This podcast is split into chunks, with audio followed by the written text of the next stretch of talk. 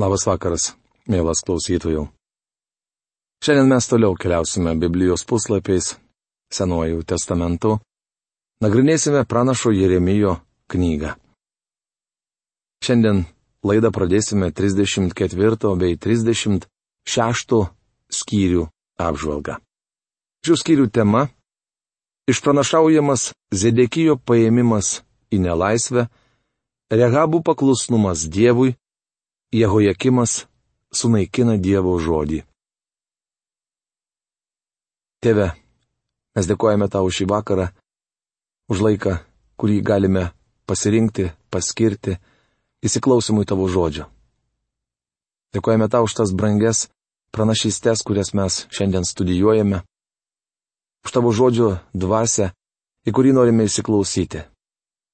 Prašome, kad tu mums padėtum išgirsti šį vakar tave prabylantį į mūsų širdis. Padėk pamatyti Dievę tą istorinį tarpsnį ir padėk savo dvasioje išaiškindamas mums tuo metu įvykius. Prašom, kad viešpadė nei vieno, kuris klausosi mūsų radio laidų, neliktų abejingų. Ne dėl to, kad jie klauso mūsų laidas, bet dėl to, kad mes klausome ir norime paklusti tau, galybių Dieve.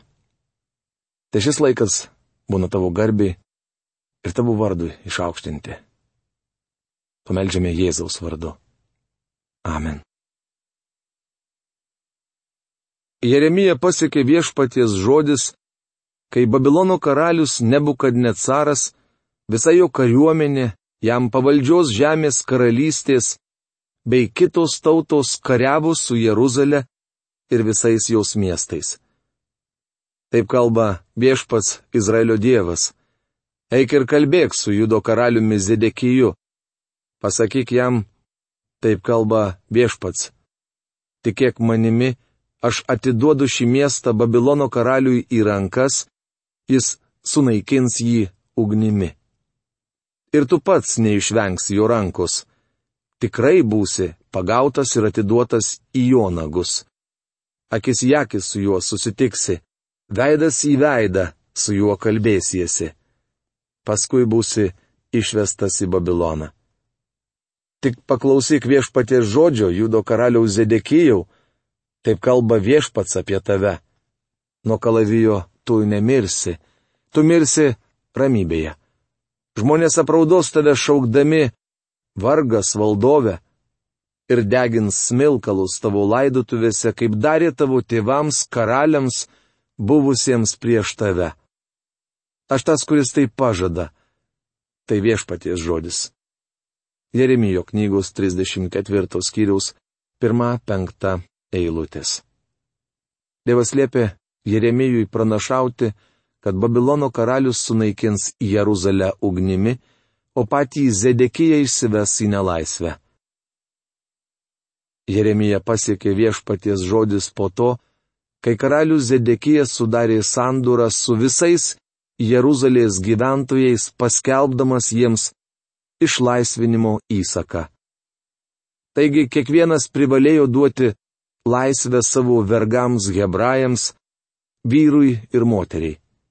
Niekas neturėjo laikyti savo tautiečio judėjo vergyjoje. Jeremijo knygos 34 skyriaus 8-9 eilutės.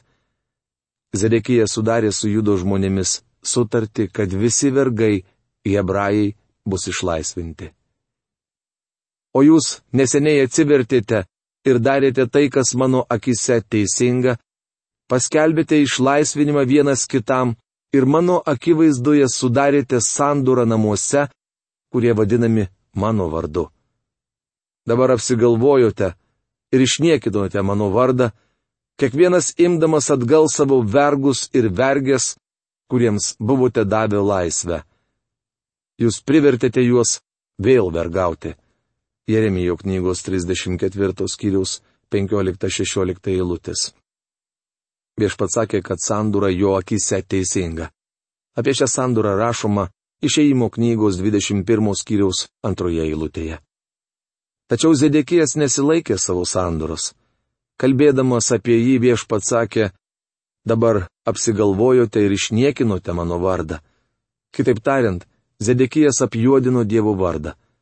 Duodamas savo tautiečiams tikrą laisvę, Judo karalius galėjo parodyti pasauliu, jog jis yra kitoks, tarnauja gyvam ir tikram Dievui.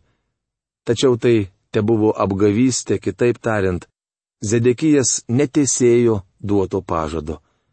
Jis ne tik susigadino savo reputaciją, bet ir išniekino Dievo vardą.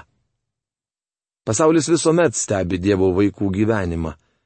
Dievo vardui ir jo žodžio plitimui labiau kenkia apsimetėliai krikščionys, negu visi bedieviai universitetų profesoriai.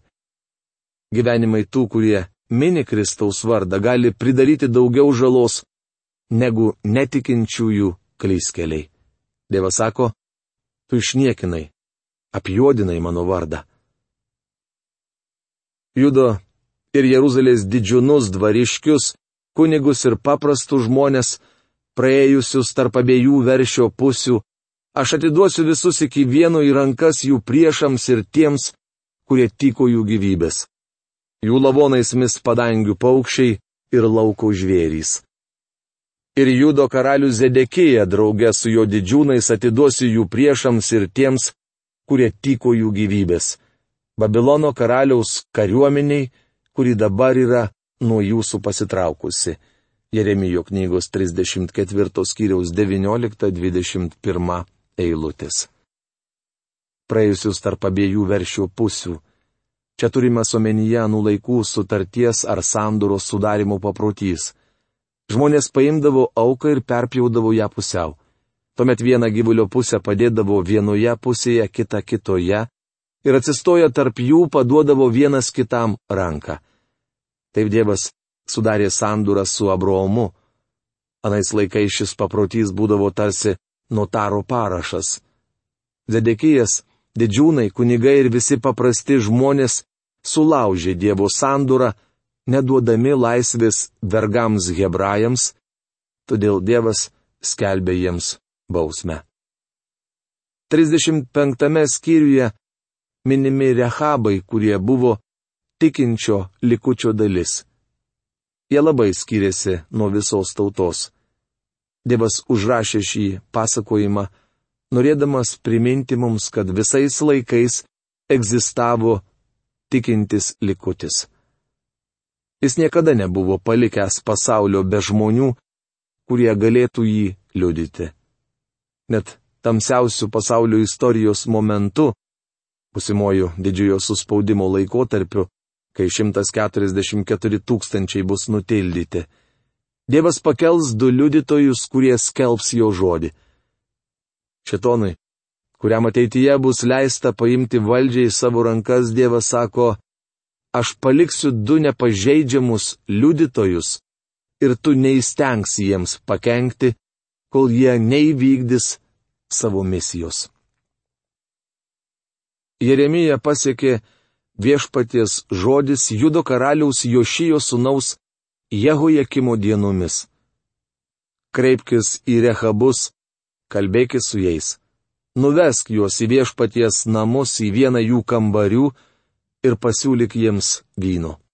Jeremijo knygos 35 skyriaus 1-2 eilutės. Viešpats sako Jeremijui atsivesti Rehabus į viešpaties namus ir duoti jiems vyno. Tada padėjau šiems rehabų vyrams pilnus asočius vyno bei taures ir tariau, išgerkite vyno. Mes vyno negerėme, atsakė jie, nes mūsų tėvas Rehabų sunus Jehonadabas mums įsakė, vyno niekada negersite, nei jūs, nei jūsų vaikai. Jeremijo knygos 35 skyrius 5-6 eilutės laikydamiesi įsakymo duoto jų šeimai prieš daugelį metų, Rehabai atsisakė gerti Jeremijo siūlomo vyno. Taip kalba galybių viešpats Izraelio dievas. Eik ir sakyk judo vyrams ir Jeruzalės gyventojams. Nejau nepasimokysite ir nepaklausysite mano žodžių, tai viešpatie žodis žodžių, kuriais Rehabos sunus Jehonadabas uždraudė savo vaikams gerti vyną, buvo laikomasi. Iki šios dienos jie negerė vyno, nes klausė savo protėvių įsakymo. Nors aš ir kalbėjau jums primiktinai, be perstojo, jūs manęs neklausėte. Be perstojo siunčiau pas jūs savo tarnus pranašus, kad sakytų jums, grįžkite visi iš savo nedoro kelio, taisykite savo elgesį, neikite svetimų dievų garbinti, kad išliktumėte krašte, kurį daviau jums ir jūsų tėvams. Bet jūs nei kreipėte dėmesį, nei manęs paklausėte. Jeremijo knygos 35 skyriaus 13-15 eilutės. Dievas parodo ryškų kontrastą tarp rehabų, kurie ištikimai laikėsi savo žemiško tėvo priesako, ir judo vaikų visiškai nepaisiusių savo mylinčio dangiškojo tėvo įsakymų. Likusioje šios skyriaus dalyje Dievas toliau skelbė judo tautai teismą, o rehabams žada palaiminimus. 36 skyriuje atsiskleidžia tikrasis Jehojakimo požiūris į Dievo žodį ir žinę, kurią Dievas siuntė jam per pranašą Jeremiją. Ketvirtais Judo karaliaus Jošijo sūnaus Jehojakimo metais Jeremija pasiekė viešpaties žodis. Paimk rytinį ir surašyk jame visus žodžius, kuriuos tau kalbėjau apie Izraelį ir apie Judą, ir apie visas tautas nuo to laiko, kai pirmą kartą tau kalbėjau Jošijo dienomis iki šiandien. Jeremijo knygos 36 skyriaus 1-2 eilutės. Dievas liepė Jeremijui visus jo žodžius surašyti į rytinį. Tad Jeremijas pasišaukė Baruchą ir šis surašė į rytinį iš pranašo lūpų visus žodžius, kuriuos viešpats jam buvo kalbėjęs. Tuomet Jeremijas liepė Baruchui nusinešti rytinį į viešpaties namus ir, žmonėms girdint, perskaityti visą, kas jame surašyta. Sužinoję apie šį įvykį didžiūnai pasišaukė Baruchą ir paprašė perskaityti jiems visus rytinėje surašytus žodžius. Tuomet didžiūnai tarė Baruchui. Eik ir pasislėpk, tu ir Jeremijas. Te nežino niekas, kur judu esate. Padėję rytinį į saugią vietą, raštininko Elišamos kambaryje, Jie nuėjo į rūmus pas karalių ir pranešė jam visą reikalą. Karalius pasiuntė Jehudį atnešti rytinį. Jehudis atnešė jį iš raštininko Elišamos kambario ir perskaitė, klausant karaliui bei visiems aplink karalių stovintiems didžiūnams. Tuo metu karalius sėdėjo žiemos rūmose priešai skaitrę ugnį žaryjų puodę, nes buvo devintas mėnuo. Kai tik Jehudis perskaitydavo tris ar keturias skiltis, karalius raštininko peiliu nupjaudavo tą gabalą ir nusviesdavo į ugnį žaryjų puodę, koliai visas rytinys sudegė žaryjų puodo ugnyje. Jeremijo knygos 36 skyrius 19-23 eilutės. Tai aiškiai parodo, ką Jehojakimas galvojo apie Dievo žodį. Karalius supjaustė jį į gabalus ir sumetė į ugnį. Jam nerūpėjo Dievo žodis. Jehojakimas nepriemė jo ir jo netikėjo. Man nedaro įspūdžio tai, kad Biblija vis dar yra labiausiai perkama knyga pasaulyje. Norėčiau paklausti, ar daugelis ją skaito? Biblijos ignoravimas tolygus jos sudeginimui. Kažkas atsintė man liūdną eilėraštuką, kuris puikiai apibūdina mūsų tautos būklę. Paklausykite. Mao, radau kažkokią knygą, bedulkančią aukštai lentynoj. O, Tomi, juk tai Biblija. Būk atsargus, tai Dievo mums duota knyga. Į Dievo? Perklausė jaunylis. Tuomet greičiau gražinkim ją, kol dar visai nesudulėjo. Juk mums vis tiek niekart jos nereikėjo. Karalius ir visi jo dvariškiai, klausydamiesi visų tų žodžių, nei baiminosi, nei persiplėšė drabužius. Jeremijo knygos 36 skyrius 24 eilutė. Jie nejautė jokios sąžinės graužaties dėl to, ką buvo padarę, ir nejautė jokios Dievo baimės. Jei manote, kad Dievas išsigas pamatęs, jog Jehojakimas sunaikino jo žodį, labai klystate. Paimk kitą rytinį ir užrašyk jame žodžius buvusius pirmajame rytinyje, kurį sudegino judo karalius Jehojakimas. Jeremijo knygos 36 skyriaus 28 eilutė. Dievas liepia Jeremijui dar sįki surašyti į rytinį visus jo žodžius ir nusiųsti Jehojakimui žinę.